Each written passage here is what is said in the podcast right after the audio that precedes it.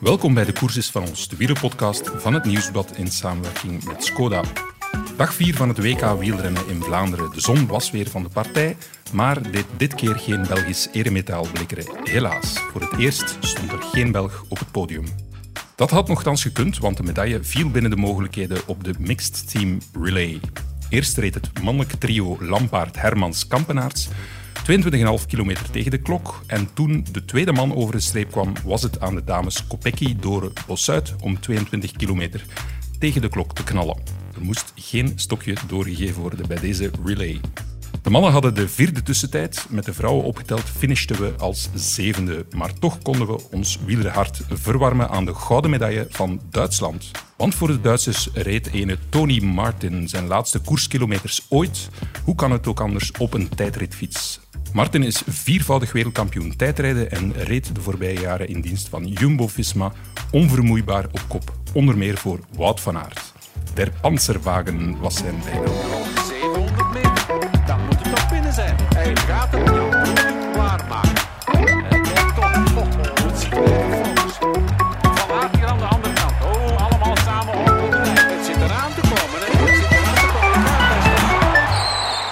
Bij mij zit ook een panzerwagen, eh, maar wel een die nog vele oor- oorlogen voor de boeg heeft. Een man die voorbestemd is om net als Tony Martin op een hoogtepunt te stoppen. Hij kent niet anders dan hoogtepunten. Wielerredacteur Jan-Pieter de Vlieger. Dag Michael. Dag Jan-Pieter. Ja, ik zwaai altijd met lof bij de inleidingen. Ja, daarom komen we naar hier. Ja, voilà. Dat is ook het enige moment dat er met lof gezwaaid wordt. Klopt. Eh, goed. Ja, de mixed team relay. Bram die heeft niet echt met lof gezwaaid naar die discipline, maar goed, hij ging vandaag zich eh, professioneel van zijn taak kwijten en dat verslaan op een heel objectieve manier. Wat vond jij ervan als, eh, ja, vanuit je zetel gekeken, neem ik aan? Ah, ja, dat klopt. Ik, ik heb er graag naar gekeken. Ik vond Ja, het vond een het boeiende, boeiende competitie. Mhm. En als je kan kijken naar Filippo Ganna op een tijdritfiets, dat is, eh, dat is nooit verkeerd. Ja. Ik vind ploegentijdritten altijd leuk. Ik vind zo de geoliede machine die je aan het werk ziet, is wel eh, indrukwekkend. Ja. Eh, Het enige dat ik een klein beetje jammer vind aan dit specifieke concept is dat niet iedereen op dezelfde fiets zit en niet iedereen dezelfde helm heeft. Dan neemt een beetje het gevoel weg dat je Ja. naar één Ja. Zelfde entiteit aan het kijken bent. Maar detailkritiek voor de rest vond ik een zeer eh, geslaagde competitiedag. Ja, hier en daar van er inderdaad vloekende kleurencombinaties van helmen en fietsen en zo. Eh, nee, enfin, blij te horen. Ik was ook fan eigenlijk. Ik ik ben benieuwd wat onze luisteraars daarvan vonden. Eh, sportief, ja, wat viel er sportief over te vertellen? Ehm, dat de dames nog altijd heel, heel, heel belangrijk zijn. Ja, maar, In het leven ook, hè? Ja, inderdaad. inderdaad.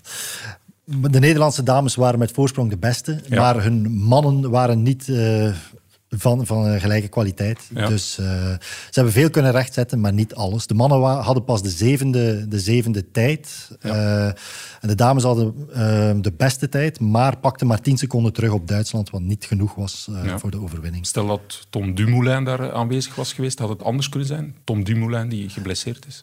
Ja, ja zeker. Eh, eh, Wilco Kelderman die erbij is, of eh, Dumoulin die erbij is, dan een van de twee. En Nederland wint altijd. Maar inderdaad, Dumoulin aangereden op training. Eh, Kelderman is gevallen en heeft alweer breuken opgelopen in de, in de Benelux-tour. Dus ja, Jos van Hemden, Koen Bouwman, Bouke Mollema. Jos van Hemden is een uitstekende tijdrijder, maar de andere twee zijn niet van hetzelfde niveau. En dat heeft Nederland cash betaald. Ja. En de Duitsers, dat was een vrij gelijkmatige prestatie, tussen, verdeeld tussen dames en heren. Ja, in de zin dat, dat er geen grote bokkensprongen geweest zijn in posities. Eh, De, de mannen kwamen als tweede binnen na Italië. En de dames geven 10 seconden toe op, eh, op Nederland. Dus die zaten ook in top, eh, top segment. Samen zorgt dat voor de overwinning. Ja. Wat wel leuk is, want het is niet toe te schrijven aan of de mannen of de vrouwen. Het is Ja. echt wel een overwinning Ja, van, van de beiden. Ja. Eh, ja, het was in 2019 hè, voor het eerst op het WK. Het is de tweede keer hè, dat het op het WK was. Toen werd het zo'n beetje stiefmoederlijk nog behandeld. Ja, maar nu ja, ja. stonden wel grote namen aan, aan eh, Zeker. De aftrap, ging ik zeggen, maar dat klopt niet. Hè. Aan de, nee, aan ja, de... Ik weet het niet wat Ja, dat is. wat hè. moeten we zeggen? Aan de de- startramp heet het. Start een- ramp. Een lelijk ja. woord. Ja. Nee, bij Italië, de drie deelnemers van de individuele tijdrit hebben de mixed team relay gereden. Dus dat is wel heel iets anders dan eh, twee jaar geleden toen E- Elia Viviani per se wilde meedoen omdat hij met zijn lief wilde, eh, wilde rijden. Dat was toen het uitgangspunt. Dus, dus zeker wel, het heeft aan geloofwaardigheid eh, gewonnen als discipline ondertussen. Het zijn niet alleen koppeltjes in het leven meer. Het zijn echt ook de beste Ja, het tijdrijders zijn van de hun beste land. beschikbare Ja. Alhoewel dat ik er moet bijzeggen dat eh, de Italiaanse bondscoach eh, Cassani leek het toch niet helemaal serieus te nemen of niet helemaal door te hebben, want hij werd in beeld genomen op het moment dat de Italiaanse dames over de meet kwamen. En hij, hij- hij maakte nogal een gespeeld gebaar van ontgoocheling, zo een, een vuist die hij Ja. oh, een beetje theatraal opzij bracht. En terwijl het net goed nieuws was, want die dames hadden nog net met 500ste, denk ik, eh, een podiumplaats eh, veiliggesteld. Dus of het beeld was slecht, slecht geknipt, of hij had helemaal niet door eh, wat dat er aan de hand was, maar hij had moeten juichen in plaats van eh, Ja. teleurgesteld zijn. Ja, dat vond ik ook wel. En, en in het algemeen, de UCI wil dit nu vooruitschuiven, promoten. Maar hier en daar liep toch wat mis met de tijdopname Ja. die, die we niet goed doorkregen. Terwijl het eigenlijk aan zich als discipline niets verkeerd mee is en best spannend was. Zeker, maar ik denk zeker, dan als ja. UCI, als je dat wilt promoten, ja, zorg dan dat alles Ja, het was een beetje, staat. een beetje slordiger, Slordig, dan de- ja. zonder dat het dramatisch was. Want, eh, Ja. ja. ik weet niet, de, de Duitser ploeg had eerst een andere tijd en werd Ja. dan plots opgevist, maar ging ook wel vrij snel. Dus het is niet Ja. dat er daar een grote Nee, ja, over waren. Maar het was een beetje klein slordig. puntje van eh, kritiek. Ja, jouw oog viel ook op een, ik ga niet zeggen geval van fraude, maar toch iets eh, ja, zo in de grijze zone, laat de dat zo zeggen. zone. Ja. Ja. het is wel een, een leuk verhaal. Het waren eh, de Britse mannen die reden met een soort ja, camelback, eh, denk ik dat het heet. Maar het was geen camelback, het was geen eh, waterreservoir of zo. Maar ze hadden iets op hun eh, buik aangebracht, waardoor de buik veel boller werd. Ah, meestal is het omgekeerd, probeer je je buik net smaller Ja, te inderdaad. maken. Maar eh, blijkbaar heeft het een aerodynamisch voordeel. Passeert de wind op een gunstigere manier over het lichaam als daar een, een bolletje zit. Ah, ja. Vandaar al die, die wielertoeristen met die bierbuiken. bierbuiken. Ja, vandaar zoveel geïnvesteerd wordt in de bierbuik. Maar er zit een, een verhaal achter, want eh, een van de Britse deelnemers is ehm, Dan Bigham. En eh, dat is een gast, dat is een beetje de Victor Kampenaars van Groot-Brittannië, die zo overal de, de marginal gains gaat zoeken tot in het extreme. En zijn, eh, zijn plezier, of ik weet niet of het echt zijn plezier is, maar hij probeert uit elke UCI-regel zo het, het, het kleinste voordeel te persen. ja. En voor de anekdote, op ehm, de Olympische Spelen was er veel te doen rond de Team Pursuit ploeg van eh, Denemarken, die allemaal met kinesiotape op het scheenbeen eh, reden. Dat was in de lengte Ja, aangebracht. dus Team Pursuit is de ploegenachtervolging. De ploegenachtervolging. En kinesiotape, dat is zo die, ja, die gekleurde tape die men overal opplakt. Inderdaad, bij Zo overbelastingsblessures. gezegd, ja. Eh, dus het verhaal was dat de hele Deense ploeg dezelfde blessures, geen beenvliesontsteking had of zo. Maar natuurlijk was dat ook aerodynamica. Bert Blokken heeft mij ooit uitgelegd. Je moet oppervlaktes ruw maken, dus kinesiotape is een beetje gekorreld. Dus het was niet eh, omwille van eh, blessurepreventie, maar het was gewoon om eh, een voordeel te doen dat de Denen die kinesiotape hadden aangebracht. En wat is de clue van het verhaal? Wie was de adviseur van de Denen op de Olympische Spelen? Dan Bigham, de man Ah, die vandaag op de mixed team relay ook met een eh, bol buikje reed. En nog één ding dat ik daarover wilde opmerken. Ze hebben de mosterd gehaald bij Andy Schleck, die het ooit gedaan heeft in de Tour, maar volgens mij al meer dan tien jaar geleden. Ja? En toen was er ook heel veel controverse rond. Kinesiotape. Nee, eh, ook eh, de buik. En De bij buik? hem was Ah, het ja. wel een eh, eh, camelback met water, zo gezegd. Maar het was uiteraard ook omwille van het Maar het is aerodynamisch verboden, zo'n camelback. Of Ehm, pff, Niet-essentiële aanvullingen op kledij zijn verboden, maar ja, dat kan je weer... onder de kledij. Ja. Ja, en de, de Britten hadden het vandaag eh, verpakt als zou het hun eh, teamradio geweest zijn die in een heel groot omhulsel zat. ja. Geloven of niet geloven. Ja, dat lijkt mij zo van die... Als ik die uitleg hoor, eh, dan... Die man, dat zou wel iemand goed zijn om mijn belastingsformulier in te vullen. Ja, ja, zo ja, iemand die de grijze zones weet Die- die gaan ze allemaal vinden. Alle Ja, achterpoortjes. Zijn Ja. plezier in hebben om eh, die te vinden. Ja, heel interessant. Oké. Zeg, eh, ja, ploegentijdrijden. ik heb ooit bij Pot en Pint is een anekdote van jou gehoord. Je hebt dat ook ooit eens een ploegentijdrit gereden, maar niet zo'n sterke indruk gemaakt, dacht ik. Misschien moet je dat eens delen met de luisteraars. Sorry, Jan-Pieter, maar... eh, Ja, het, het is een verhaal waar ik zeer slecht uitkom, maar, Ja, maar goed. eh, het is een verhaal. Dus Zelfrelativering is ons niet vreemd. Ja. Uh, ik denk dat het ook veel te maken heeft waarom dat ik veel respect heb voor tijdrijders en uh, ploegen uh, tijdrijders al helemaal. Maar het gaat terug naar de mediadag van Team Sky in Mallorca. Mhm. En daar was een soort media ride aangekoppeld. Dus wij als journalisten konden met de ploegleiding van Team Sky s ochtends mee fietsen. En ik dacht, ja, leuk, kan ik met een dure Pinarello rijden. Dat is een voorrecht Ja, ja, dat je niet elke dag eh, hebt. Maar toen ik eh, volledig in kostuum naar beneden kwam, stond er, eh, werd er een grote slide geprojecteerd in de lobby van het hotel. Media Ride. Maar ride was doorstreept en vervangen door race in heel grote letters. En vanaf dan is alles fout beginnen gaan. Want ehm, er was een soort competitie tussen de ploegleiding van Team Sky, alle ploegleiders en de CEO Dave Brailsford, die dus boven alles en iedereen staat. Die kregen echt elk zes journalisten toegewezen. En ja, ik weet niet, de kneusjes kwamen dan bij Servaas Knaven terecht of zo, om nu heel oneerbiedig te zijn. Ja.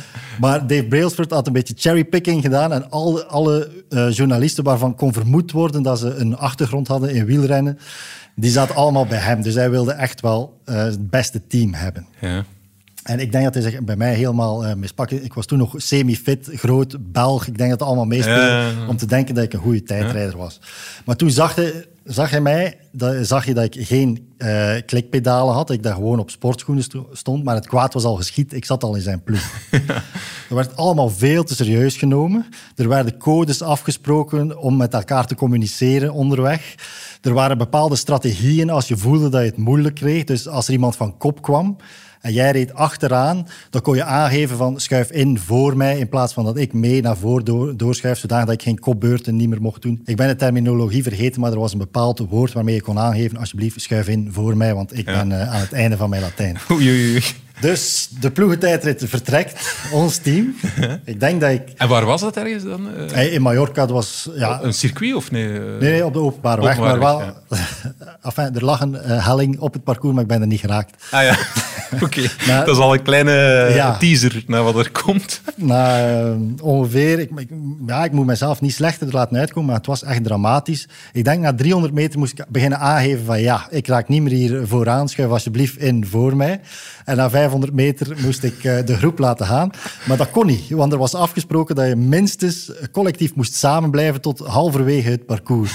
Oei, oei, oei. Dus toen heeft Dave, Dave Brailsford eh, zich over mij ontfermd. Ja. Heeft hij mij geduwd tot halverwege het parcours. Daar Ja. losgelaten en voor, eh, Ja. voor dood achtergelaten, wat helemaal was. Ja, je bent die dure Pinarello daar gaan inleveren, stilletjes de, een achterdeur echt, genomen. eh, ik ga eens naar het toilet en, en verdwenen met de Noorderzon. Maar ik moest, nog de, moest mijn werk nog doen natuurlijk. Dus ik moest Dave Brailsford daarna nog ernstige vragen stellen. Je moest En- hem interviewen nadien. Ja, uiteraard. En hij, hij kende jou uiteraard dan. Hij Ja, kende- als je iemand eh, een kwartier lang eh, geduwd hebt op de fiets, Oei, oei, oei. terwijl het snot uit de neus loopt, Ja. eh, Dus Ja, ja, hij weet het nog altijd vandaag dat, dat ik het ben. Ja. Maar ik weet sindsdien dat Dave Brailsford alles doet om te winnen en zelfs bereid is om de kantjes eraf te lopen. Want duwen in een ploegentijdrit, Michael, is niet toegestaan. Ah, en hij deed het. Hij deed het. Hmm, dat is toch wel een suggestieve opmerking. Goed, we gaan luisteren naar een boodschap van onze sponsor Skoda. En dan is het aan mij om een aantal anekdotes te vertellen. Je gezin is net als een wielerploeg. We moedigen elkaar aan. En we weten dat we met de tips van onze ploegleider we alle kansen hebben om echte kampioenen te worden. Skoda, supporter van de grootste fietsfamilie.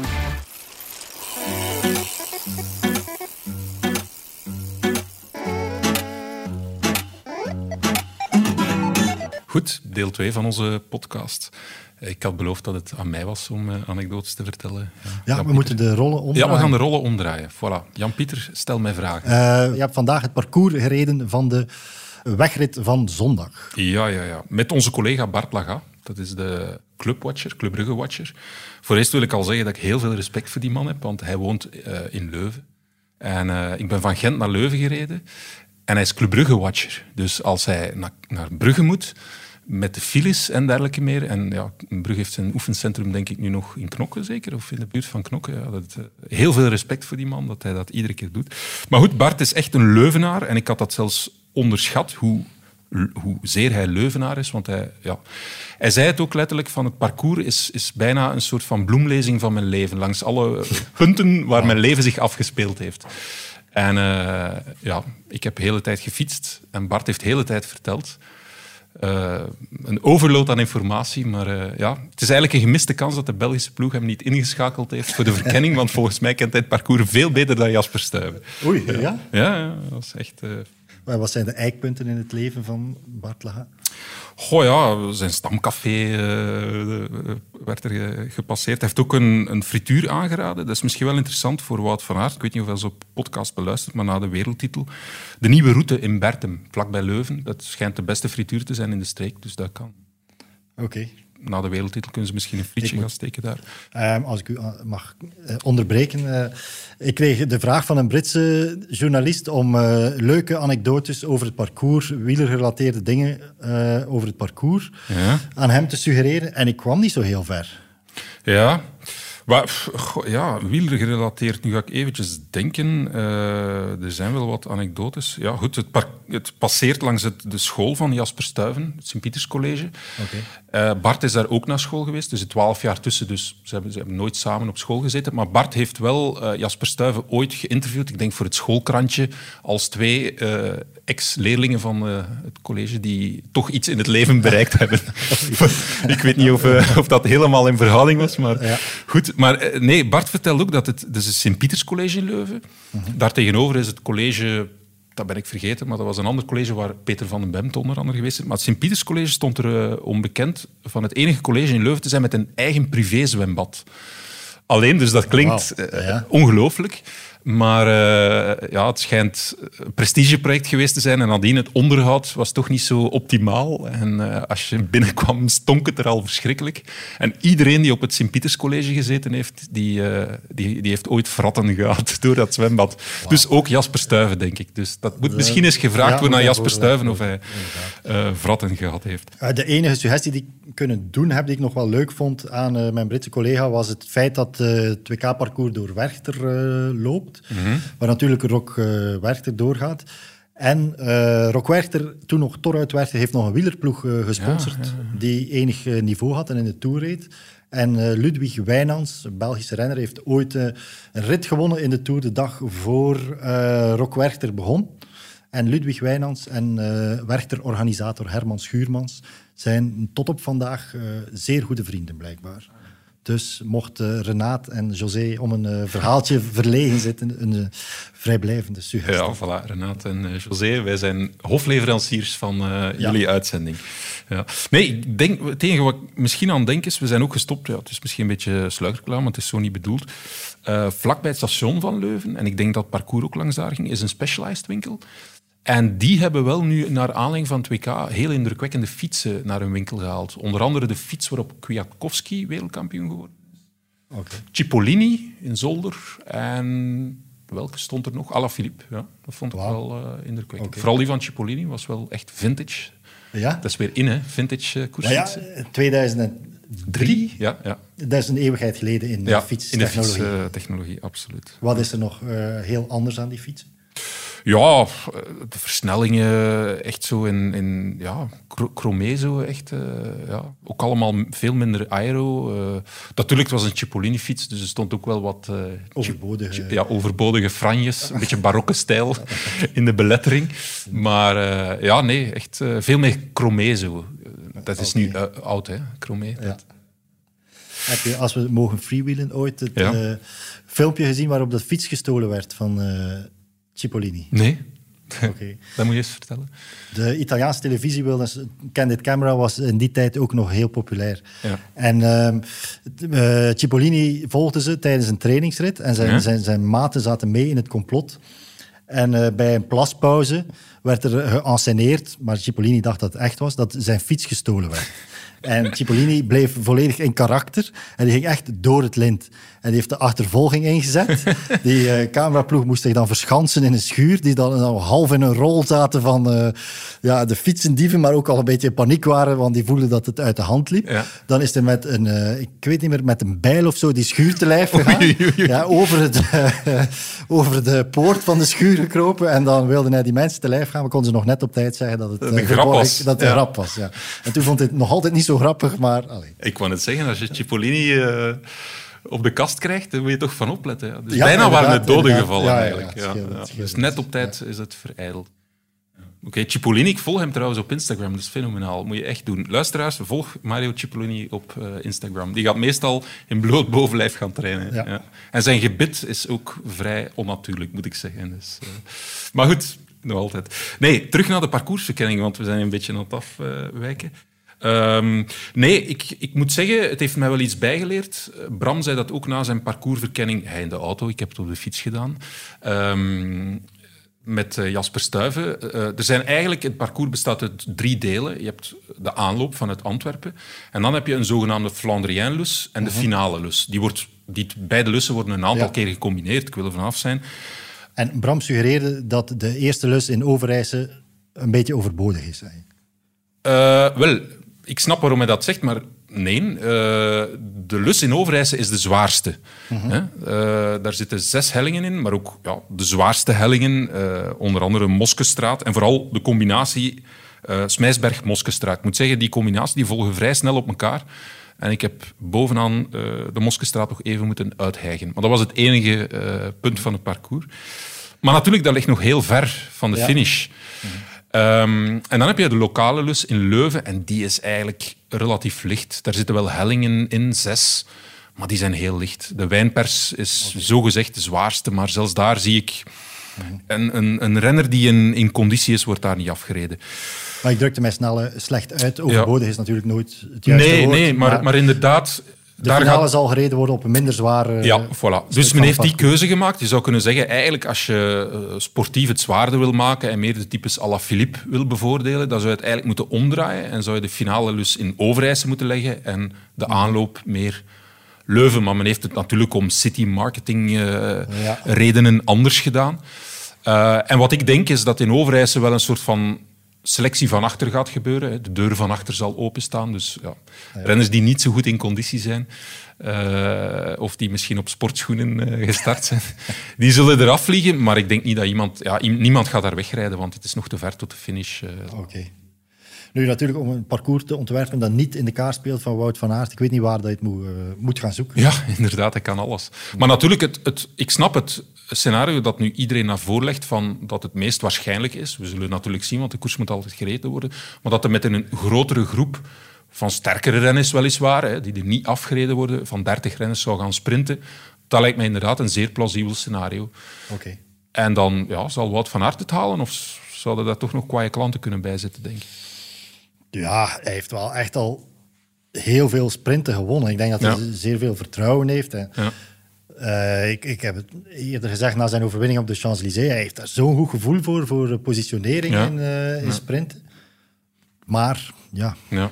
het is, eh, ik weet niet, is, is dat een scenario dat wij moeten naartoe werken als Belgische ploeg met 30 na de meet, waarbij dat Van Aert dan één van die 30 is? Ja, Het is niet ongunstig, maar is het, heeft dat ons de grootste kans om Ja, te winnen? dat is een vraag. Ik denk dat we het liever selectiever hebben. Ja, want als het selectiever wordt, kan je natuurlijk een scenario van Tokio hebben, tenzij dat er meer Belgen zijn, maar in een kleiner groepje gaan er makkelijker renners kunnen wegrijden natuurlijk. Dat is waar. Maar wie van de Belgen is er niet in vorm op dit moment? Ja. Lampaard eh wint koersen, Kampenaerts is supersterk, Ja. ja. ja, Stuyven is supersterk. Ja. Dus jij, verwacht dat niet gaat gebeuren wat in Tokio gebeurd is, namelijk dat Wout van Aert alleen komt te zitten. Stel dat het selectief wordt. Nee. Ik kan geen scenario bedenken waarin dat Evenepoel eh, uit de wielen gereden zou worden. Ja. Hetzelfde voor Maar Lampaard. misschien kan Evenepoel de rest uit de wielen proberen rijden. Ja, en maar dat dan mag niet, blijkbaar. Ja, dat mag niet. Oké. Ja. Nee, goed. Ja. Maar, maar inderdaad, ja, daar wordt nu toch een beetje op gegokt, denk ik dan, met een grotere groep naar de finish rijden. Maar ja, dan is het één kans op 30, puur Mhm. mathematisch. Ja. Ja. Ik denk niet dat dat het meest gunstige Nee. scenario is. Kleine groepje toch. Ja. Ja. Maar je hebt het niet te kiezen natuurlijk. Hè. Nee, Nee, wij nee. kunnen het hier niet bestellen. eh. Nee, nee, nee, nee, zeker niet. Ja, goed. eh, Wat heb ik nog allemaal geleerd van eh, onze collega Bart? Ja, Bart heeft met nog een andere BV de school gedeeld, de lagere school, Jeroen Meus. En blijkbaar, hij kookte toen nog niet, maar dat was wel een begenadigd tekenaar. En eh, iedereen eh, wou een tekening van Jeroen Meus in zijn poëzieboek. En Ja? Bart is erin geslaagd om Jeroen Meus in zijn poëzieboek te laten tekenen. Ja, en hij heeft een, eh, een prachtige clown getekend. En ja, onlangs heeft Bart blijkbaar zijn zolder opgeruimd en het poëzieboek met de, De tekening van de clown. Dus misschien moet die ooit eens geveild worden. Voor een goed doel of zo, ik weet niet. Ja. Ja, ik wilde nog, eh, als we dan toch mogen, vrij Ja. uit eh, anekdotes uit de mouw schudden. Eh, Herman Brood was blijkbaar onbekend dat hij altijd betaalde in Nederland met tekeningen of schilderijen. Ah. Als hij op café ging en Ja. bleek geen geld op zak te hebben, dan maakte hij snel een tekening. Betaalde hij daarmee zijn open, openstaande schuld. En het verhaal is dat iedereen in Nederland een schilderij heeft van Zo, Herman. Brood. Ja, misschien een suggestie voor een Jeroen Meus ook om met tekeningen te betalen, want zijn restaurant Woest is toch eens failliet gegaan. Hè? Goed, en dan eh, heb ik eh, Bart ook nog een praktische vraag gesteld, omdat wij een podcast gaan opnemen, ook meteen na de WK-wegrit. En eh, ik zocht een beetje een stille plaats in de buurt van de finish, omdat ik niet zeker ben dat de perszaal het is. En Bart suggereerde het kerkhof. Het kerkhof is vlak bij de finish en is een stille plaats. Ja, daar kon ik niks tegen inbrengen. Dus mogelijk, beste luisteraars, zal de podcast opgenomen worden op het kerkhof van Leuven. Tenzij we een betere locatie Ja. vinden. Ja. Goed. Ik denk dat we bijna aan het eind van deze podcast gekomen zijn. Eh, misschien toch nog even terug naar de koers helemaal gaan, hè, want we hebben het gevuld met anekdotes. Ehm, ja, waar, waar, jullie moeten altijd sterren eh, kiezen hè, voor het nieuwsblad. Waar, eh, wie krijgt er vijf sterren vandaag en wie vier? Ja, onveran- onveranderd Wout van Aert. Ja. Ehm Alaphilippe, Ja. een Deen, waarbij we nog niet weten welke Deen van de vier en ondertussen vijf misschien, Ja. want eh, Michael Valgren begint ook opnieuw eh, koersen te winnen. Ehm, ja, Tom Pitcock zou bij mij niet zo heel veel sterren krijgen. Wel, dat vroeg ik me af, want die naam stond ook ergens op het asfalt gekalkt, geloof ik. Eh, dat is een naam die niet genoemd wordt, hè, Pitcock. Waarom niet? Omdat hij sinds, of zelfs vanaf de Vuelta, blijkbaar niet meer zijn eh, allerbeste niveau haalt. ja. En eh, hij sukkelt ook met zijn knie. Hij is Ja. al heel, heel jaar zo'n beetje aan het eh, aanmodderen met zijn... Enfin, aanmodderen heeft er wel Olympisch hout Ja, mee gewonnen en de Brabants Pijl. Maar blijkbaar moet hij wel heel veel investeren in verzorging daarvan. Misschien En kan hij kinesiotape op zijn op knie zijn- plakken. Ja, inderdaad. Dan Bigham zou het hem Ja, zeker zou het hem aanraden. zeker aanraden. Ah ja, dus dat is de reden waarom Pitcock Ja, niet echt... en binnen de Britse ploeg lijkt Ethan Hater eh, een beetje Ja. de beste, de de beste man die papieren in te hebben. de Ronde van Groot-Brittannië een grote sier heeft gemaakt. Ja. En ook in de tijdrit. Ja. Ja, inderdaad. Zeer, zeer goed was in de, in de tijdrit, dat klopt. Maar uh, Servaas Knaven zei mij dat die positioneren dat dat zijn grootste werkpunt is. En dat Oei, lijkt wel ja, heel, dat heel is belangrijk op het eh, parcours zijn. wel, inderdaad. Ehm, Mathieu van der Poel, ja, Bram heeft daar een zeer hoge pet van op. Mhm. Nu, gezien zijn rugproblemen, wat denk jij? Of is het moeilijk om daar iets over te zeggen? Heeft natuurlijk, het is heel lang geleden dat hij nog ja, Ja, koers van 62 eh, iets gepresteerd ja, ja, die afstand. Open deur, maar hij zal, eh, hij zal er zeker bij zijn. Ja. Eh, hij heeft geen, geen Denain gereden, terwijl dat half wel voorzien was.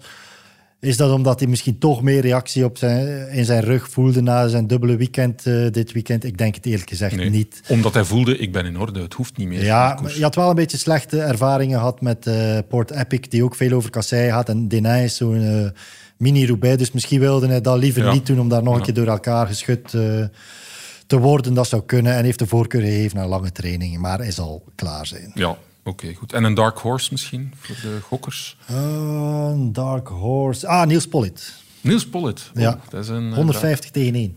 dat weet jij. En dan wil Ja. jij van je reputatie als gokker afkomen. Ja, ik heb er 1 euro op ingezet. Ja, goed, oké. Aan alle mixed team relays komt een eind. En ook aan deze aflevering, deze bijzondere aflevering van het eh, WK is van ons, waarin we toch iets verder uitgeweid zijn dan Oncomfortabel veel over onszelf prijsgegeven. Ja, Dat ja, mag meer ook. Ja. Ja. dat mag ook. Maar goed, eh, we zijn aan het eind gekomen. Afsluiten doen wij altijd in dankbaarheid in de eerste plaats aan eh, Jan-Pieter de Vlieger. Ja, Niet in het minst voor zijn schitterende anekdote. Waar gebeurt? Ja, waar gebeurt. Dank aan het Nieuwsblad, de krant van de koers. Dank aan Skoda, het automerk met een hart voor de koers en niet weg te denken, ook in het WK-peloton.